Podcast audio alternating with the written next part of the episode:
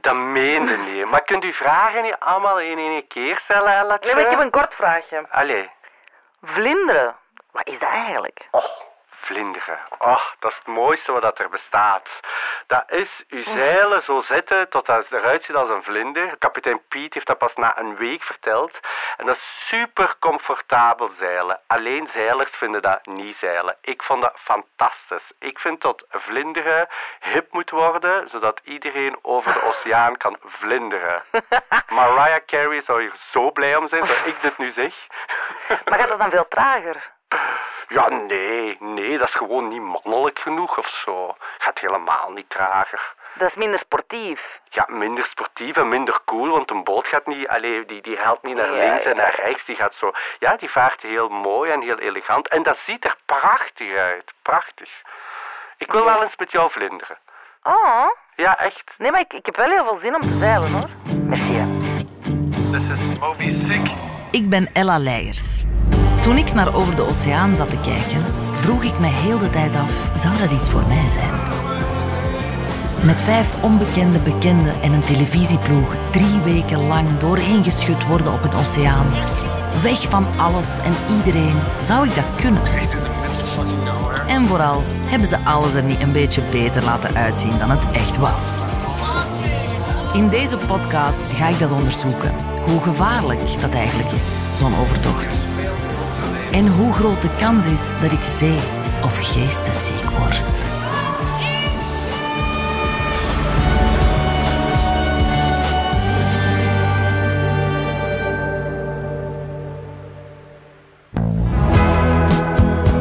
Kamperland, een kleine jachthaven in Zeeland. Hier is voormalig Belgisch wedstrijdzeiler Piet Smet de jachthavenmeester. In 1985 stapte hij aan boord van het wedstrijdschip Rucanor TriStar van Staffersluis en nam hij deel aan de legendarische Whitbread Around the World Race, een zeilwedstrijd rond de wereld. Het was het begin van de bijzonder rijke zeilcarrière van Piet. Met deze man gaan wij de Atlantische Oceaan oversteken. Ik zit hier samen met Willem Stellamans, Hans Boescholte en Piet Smet, a.k.a. kapitein Piet. Goedemorgen allemaal. Goedemiddag. Goedemiddag. Goedemiddag, Ella. Ik ga Willem ook even voorstellen, want je was de stuurman, maar ook de eindredacteur van het programma. Eh, hoe ben je eigenlijk bij kapitein Piet terechtgekomen? Eh, er waren twee eh, kapiteins die voor ons het meest in aanmerking kwamen. Dat was Piet. Een Belg die gewezen wedstrijdzeiler is en ondertussen in Nederland was gaan wonen en daar jachthavenmeester was in Zeeland. En de tweede favoriet van ons was Hans Boescholte, die hier ook zit. En dat is een Nederlandse wedstrijdzeiler die in België komen wonen is. En dat waren de twee beste opties voor ons. En eh, ja, uiteindelijk werd er gekozen voor de Belg. En grappig genoeg, daarna hebben de Nederlanders hetzelfde programma-idee ook gemaakt. En zij hebben gekozen voor Hans om daar de kapitein te zijn. En we spreken met kapitein Piet via een Zoom-verbinding, want kapitein Piet is in Zuid-Afrika. Hoe bevalt het u daar? Even, ben benieuwd. Ella, ik moet u zeggen, dat bevalt hier ongelooflijk. En ja, ik ben natuurlijk de oceaan gewoon en de zee gewoon. Dit is voor het eerst in mijn leven dat ik in de bush zit. Eh, De giraffen die lopen hier eh, ja, langs het terras. Uh, kudu's die eten uit de hand. Geweldig. Oké, dus de post gaan halen, dan kun je omvergelopen worden door een buffel of zo. Absoluut, absoluut. Absoluut. Ja. En Piet en Hans, hoe, hoe goed kennen jullie elkaar? Eh, kijk, ik ken Hans, ehm, ik denk nog van in zijn first class 8 tijd. Dus dat is al wel zeker 25 tot 30 jaar terug. En wat voor een zeiler is Hans? Eh, Hans is absoluut een topzeiler. Die heeft het wedstrijdtechnisch veel verder gebracht dan ik. Ik denk dat Hans een, ja, echt een vechter is. Hè, ook met zijn prestatie die hij destijds met die katamaran geleverd heeft. Hans is een doorduwer, zeer zeker een doorduwer.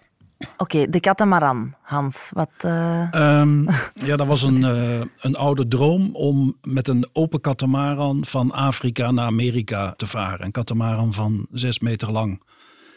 En ik heb geen Belg of Nederlander zo gek gevonden om erbij mee te gaan. Dus dat is een Fransman geworden. En we hebben dan met twee eh, in 15 dagen zijn we de oceaan overgestoken.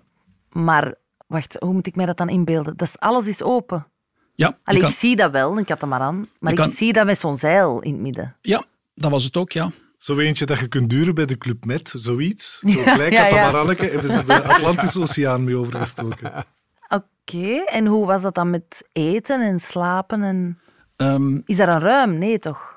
Nee, nee, nee. Ja, er zitten wat, eh, er zitten wat opbergruimten in. Maar ehm, je, alles is dus buiten. En het eten was gevriesdroogd voedsel. Astronautenvoedsel. Maar dat het astronautenvoedsel is wel fijn als dat een beetje opgewarmd wordt. Dus we hadden zo'n, zo'n eh, misschien ken je dat wel, zo'n campingdouche. Zo'n zak die je in de, in de zon kan ophangen. En we dachten van, ja, dat water, de overdag, hè, het is toch in de tropen, dat warmt op. En dan hebben we s'avonds warm water voor het gevriesdroogd voedsel. Alleen na de eerste dag was eh, de zak al doorgesleten aan de stagen. dus voor de rest van de tocht was het eh, koud, eh, koud water met astronautenvoedsel. Dat is niet lekker. Oh, mannen. En in hoeveel dagen heb je dat gedaan? 15 dagen. Dat is dan toch ook wel doorgepeerd, zouden wij zeggen in België. Ja, de inzet was ook, het was een, een wereldrecordpoging. En we hebben het wereldrecord behaald. Proficiat. Twintig jaar later. Hans, kan jij Piet eens omschrijven? Ja, ik ken Piet ook al ehm 30. Ik zat zelf tussen de 30 en 35 eh, jaar. Ehm, Oei, oei. de first class 8 eh, tijd eh, kan ik me niet meer helemaal eh, herinneren. Eh, maar wat ik me wel heel goed kan herinneren waren de, de heldendaden van Piet in de Whitbread Round the World Race, wat later de Volvo Ocean Race is geweest. Op de Rucanor en eh, op de Côte d'Or ook. En ja, de naam Piet Smet is wel een begrip niet alleen in, eh, in België, maar ook in Nederland en ook in de wereld. Want er werd toch altijd wel met veel respect eh, gekeken naar de prestaties van, eh, van de Belgische boot. Eh, ook van Staffersluis in die tijd. En hoe vaak hebben jullie al samen gezeild? We hebben wel veel op hetzelfde water gezeten, laten we zeggen, op verschillende boten. Ah, ah, in concurrentie met elkaar. Zeker. En was er dan iemand die vaker won of hoger op de ranking stond dan de Nou, andere? Ik kan me nog wel een mooie race eh, herinneren, Piet, tussen de Yes en de Brunel Synergy. Ik denk dat, Dat was een ramp. Voor ons dan.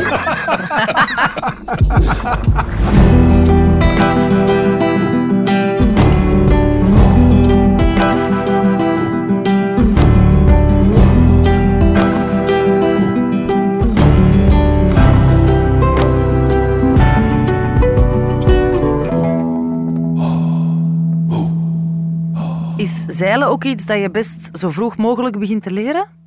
Of kan je nu, net als ik, ik ben 32, is het te laat voor mij eigenlijk? Dat Nee, het is, het is nooit te laat.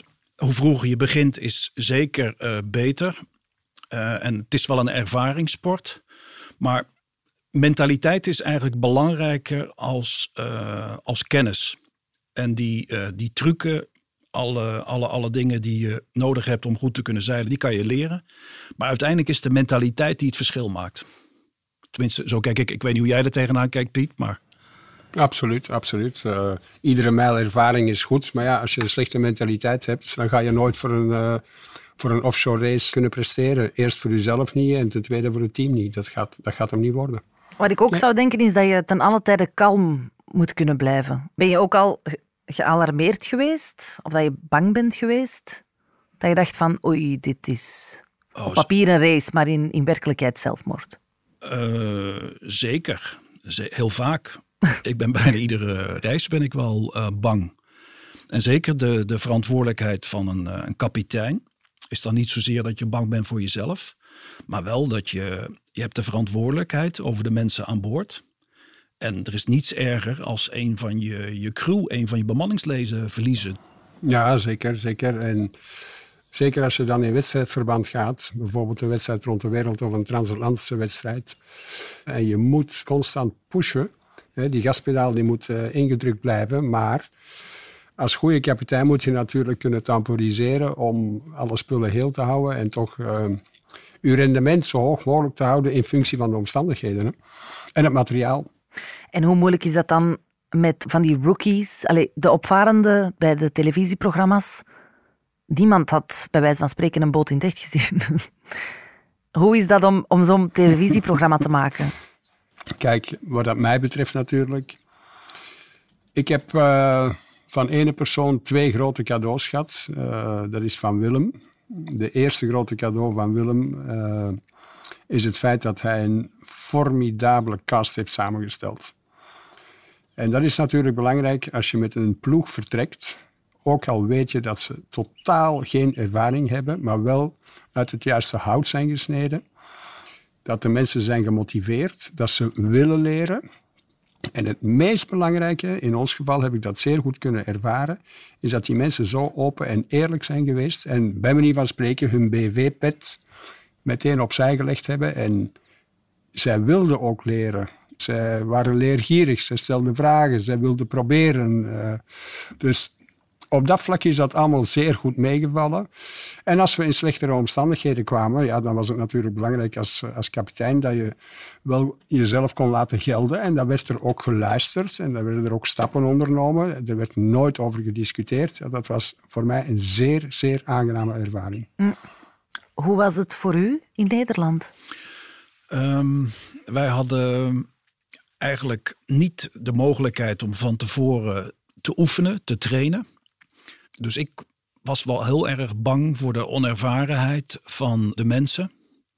Ik vond dat wel zwaar om ervoor te zorgen dat uh, die bekende Nederlanders dat die veilig waren.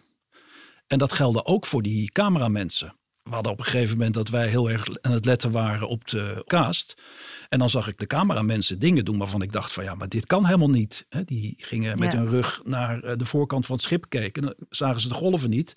Dan stonden ze niet vast en, en dan bewogen ze alle kanten op met een camera op hun schouder. Dan dacht ik van ja, maar dit gaat fout. Dus zeker in het begin dat in de gaten houden van al die mensen, dat ze aan boord bleven, vond ik zwaar.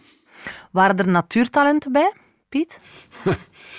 Qua zeilen niet echt. Fijn. Jani. Ja.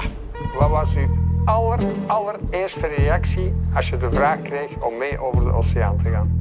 Nee. nee, nee, het waren allemaal talenten natuurlijk. Hè. Maar als ik kijk van van onze ploeg. Eh, we hadden natuurlijk Otto Jan. Mijn eerste gevoel zal toch wel een gevoel van doodsangst geweest zijn. Otto Jan die was zeer gemotiveerd, maar die kon er ook altijd uh, in zijn motivatie een beetje humor ingooien. Anderzijds was Ottiaan zeer onzeker, maar hij had wel de ambitie om, om toch iets te kunnen, te kunnen doen aan boord. Imke... Hoe veilig is dat? Die heeft echt geschitterd. Eh, die heeft zich ook vastgepind in het zeilen. Die, die heeft zich echt geconcentreerd. Ik wil het doen. Imke was ook degene aan wie Willem en ik het roer konden geven als er slecht weer was of als er manoeuvres noodzakelijk waren. Uh, Dominique... Mijn eerste reactie was, dat gaat nooit mogen van madame. Dominique was totaal niet geïnteresseerd en die had met mij een soort van weddingschap. Die had gezegd, captain, jij krijgt mij nooit achter dat stuurwiel tijdens die oceaanoversteek. Het is mij wel gelukt, want hij heeft er toch tien minuten achter gestaan. Jani die is eigenlijk ook meegevallen als dikmatroos. Die, die hield er ook van om te sturen. Op een gegeven moment had hij het snelheidsrecord. En uh, enkele minuten daarna heeft Imke dat uh, verbroken. En dat is ook de laatste keer dat Jani aan het roer is geweest. Want dan was het voorbij voor hem. Dus uh, ja. Charlotte. Oh, fuck. die was zeer onzeker aan het stuurwiel. En Evie... Ben ik daar klaar voor? Omdat ik weet dat we gaan afzien. In het begin niet, maar uiteindelijk, de laatste dagen, is hij ook wat beginnen, sturen. En ja, die heeft er ook wel van genoten. Ik weet niet of dat Evie echt ooit een zeilster zal worden. Ik weet wel dat ze nog heel graag vaart. Uh, Imke ben ik wel van overtuigd dat hij doorgaat. Ze heeft inmiddels haar diploma's ook gehaald. En Otto Jan, die zie ik ook nog ooit wel een bordje komen. Ja. ja.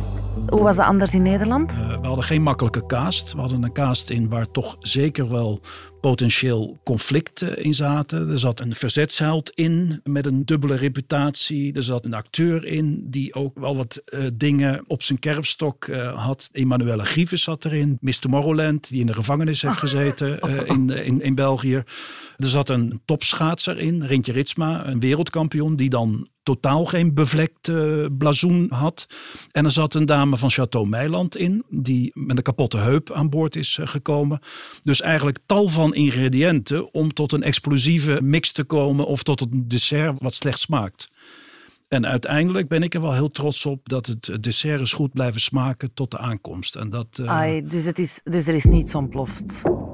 Vind ik teleurstellend. Er is wel, er is wel vuurwerk uh, geweest, maar uh, een beetje flambé op een, op, een, op een dessert, dat is goed. Hè? Dus het, soms brandde het een beetje aan. Maar het is eigenlijk altijd een, een mooie sfeer geweest en daar ben ik wel heel trots op.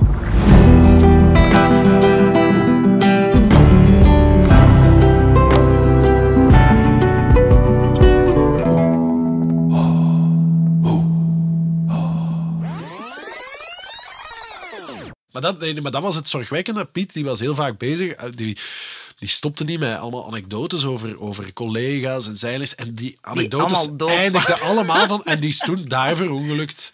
En ze van, "Ah, heb je nog levende vrienden ook? Is er een verhaal waarbij dat je op het nippertje aan de dood bent ontsnapt? Niet per se nu, maar in uw carrière? Ik herinner me wel, tijdens de Whitbread eh, hebben we op een gegeven moment een, echt een, eh, golf overgekregen. Meters, die rolden over dek. En ik was op dat moment niet aangelijnd en ik ben beginnen zwalpen eigenlijk op die golven. En Michel Kleinjans, die zat in de kuip en als ik daar passeerde, heeft hij mij echt letterlijk bij mijn kraag gepakt. Anders had het wel gekund dat ik eh, misschien iets verder was gegaan. Dat kan, ja. En bij u, Hans? Ja, over dat overboord vallen. Ik zeilde alleen in eh, Frankrijk eh, in de nacht in de Figaro. Ik ging naar het voordek toe, ook niet aangelijnd, om een spinnaker eh, voorop te bevestigen en te hijsen. En ja, voer een, knoopje of acht, een kilometer of vijftien. En er kwam een golf die ik niet gezien had, die uit mijn evenwicht brand. En tussen de Genoa en het schip, daar viel de spinnakerzak in het water en ik wilde hem pakken. En voordat ik het wist, lag ik in het water. En toen ik boven kwam, toen zag ik de achterkant van het schip al. En ja, het was s'nachts, lagen geen boten achter. We zaten in een groepje van vier eh, vooraan. Dus als ik niet aan boord terug had kunnen komen, was het einde verhaal geweest. Maar ja, wat is eh, het begrip engelbewaarder? was er, er hing een heel klein lijntje overboord. De fine-tune van het grootzeil.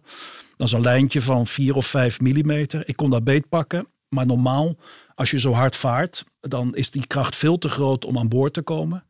Maar blijkbaar heb je dan toch de, een blik spinazie open. En, Ja, en de als- adrenaline. ja, dus ik kon die, dat lijntje beetpakken en ik kon met een uiterste krachtinspanning kon ik me naar de achterkant van de boot trekken, aan boord klimmen. En daardoor leef ik nog. Enfin. Ja, want dus ik vraag me af, wil ik meegaan? En ik ben mij een beetje aan het informeren. En ik, ik moet zeggen dat ik toch wel een beetje schrik krijg soms. Maar is dat terecht? Het is goed om een beetje schrik te hebben, daardoor voorzichtig te zijn, niet te krampachtig.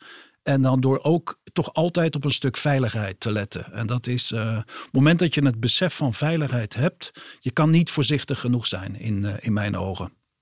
En jij lijkt me wel voorzichtig. Je hebt al je ledematen nog... Ja, maar ja, ik weet niet hoe dat met eh, Piet zit, maar ik denk toch dat ik in mijn carrière toch ongeveer eh, tien vrienden ben kwijtgeraakt eh, op zee. Gelukkig nooit bij mij aan boord, maar wel mensen die, eh, die toch zijn eh, verdronken.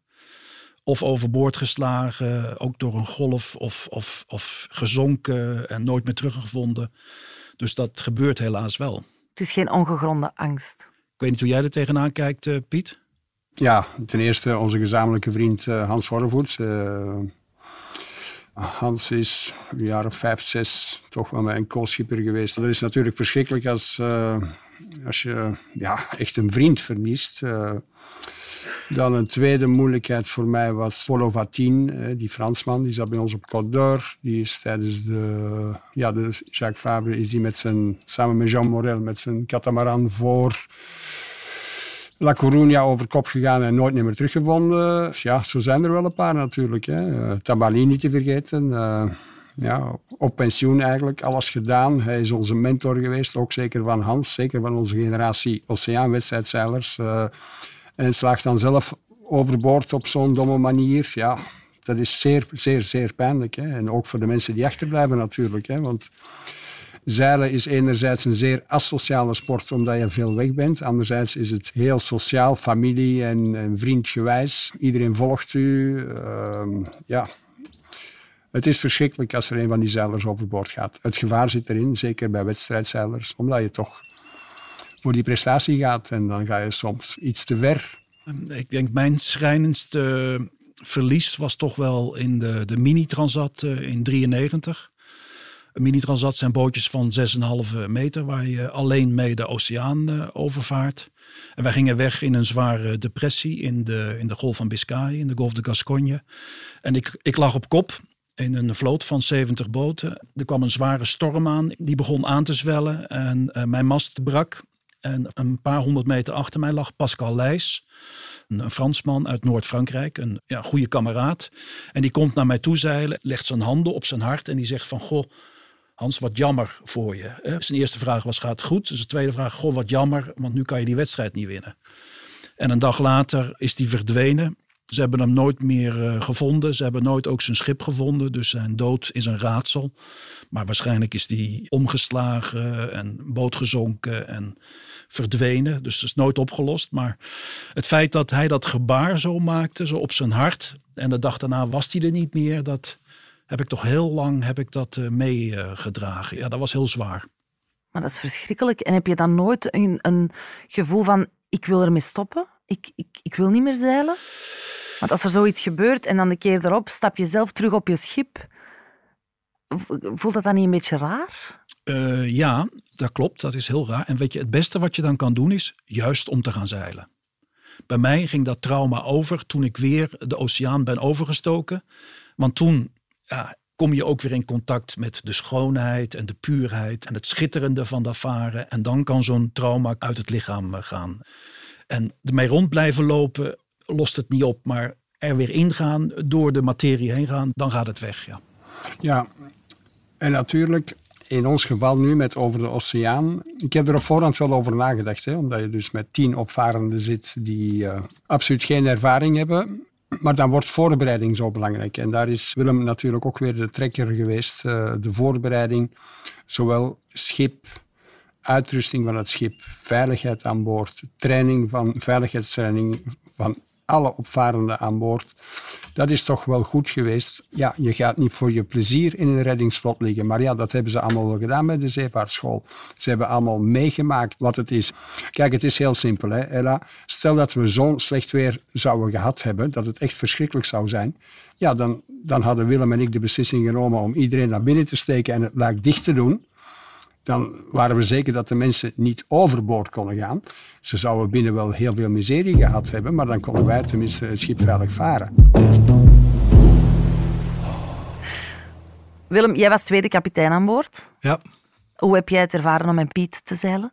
Ja, dat was, dat was super plezant voor mij, omdat ik heb wel veel gezeild en ik heb een zeilboot rond de wereld gezeild, dus heel veel mijlen gemaakt. Maar ik ben een heel ander type zeiler dan Piet is. Piet is een wedstrijdzeiler. Vanaf dat hij de wind een knoop naar beneden ziet gaan, denkt hij van nu moet de spinnaker naar boven of nu moet dat gebeuren. Ik ben in tegenstelling tot Piet een hele conservatieve, rustige zeiler. Ik zet de zeilen graag in vlinder om zo op het gemakske naar de overkant te gaan en al het materiaal goed te sparen. Ik zat daar met twee petten op die boot. Langs de ene kant was tweede kapitein. Mijn tweede pet dat ik op had op die boot was televisiemaker. Dus als zeiler heb ik vaak gevloekt van maar nu gaan we toch in de omhoog steken, er is te veel wind. Ze biedt gaat die kapot gaan. als conservatieve zeiler. Denkt er dat. Maar langs de andere kant, als tv-maker, was dat iedere keer van yes, Piet doet hier een boot bewegen en doet van alles gebeuren. Er is actie en het is echt goed in tv. Dus dat was heel plezant om Piet mee te hebben daarin. Hans, je hebt al zoveel gedaan in je carrière. Is er eigenlijk nog iets waar je van droomt? Jazeker. We hopen natuurlijk dat er een, eh, een tweede seizoen komt. En ja, had het met Willem al ook even, wat zou nou een, een, mooie manier zijn om dat programma te doen. Er is altijd een soort onderliggend thema van uh, Holland tegen België. Dus als we nu een, een, Belgische boot en een Nederlandse boot tegen elkaar laten varen. Ja, maar jullie willen weer, daar weer een wedstrijd van maken. En ik hoor net dat een wedstrijd gevaarlijk is. ik, ik, wou, ik wou net zeggen, nog goeie België en Holland.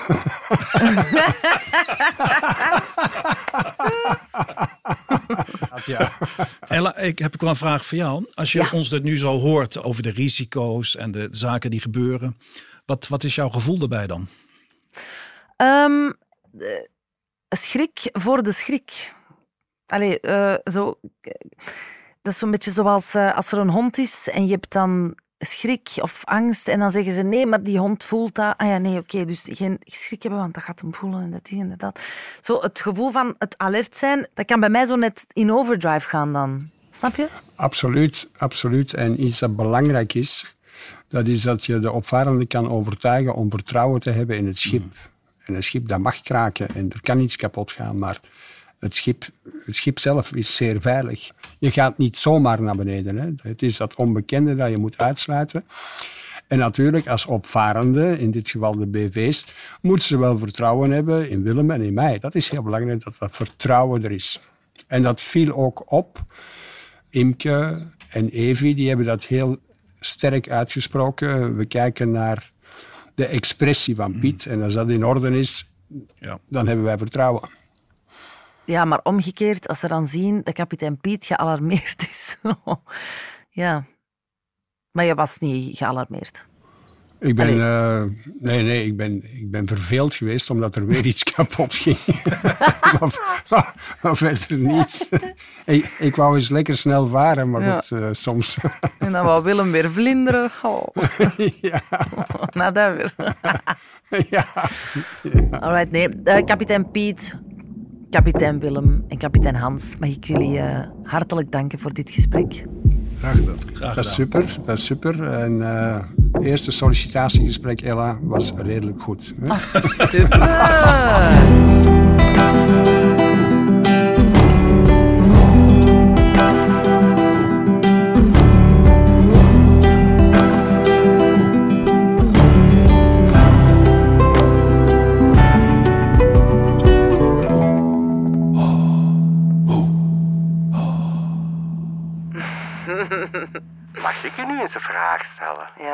Gaat je doen als, als er een tweede seizoen komt? Allee, ik zeg tegen niemand. Ik denk dat wel. Je moet dat doen. Hoewel dat wel lijkt alsof dat jullie mij heel hard van gedacht willen doen veranderen. Dat ik al heel veel horrorverhalen gehoord. Maar nee, maar nee. Ik denk dat dat Oh. iets voor u is. Eh, en ik geef u een tip. Ja?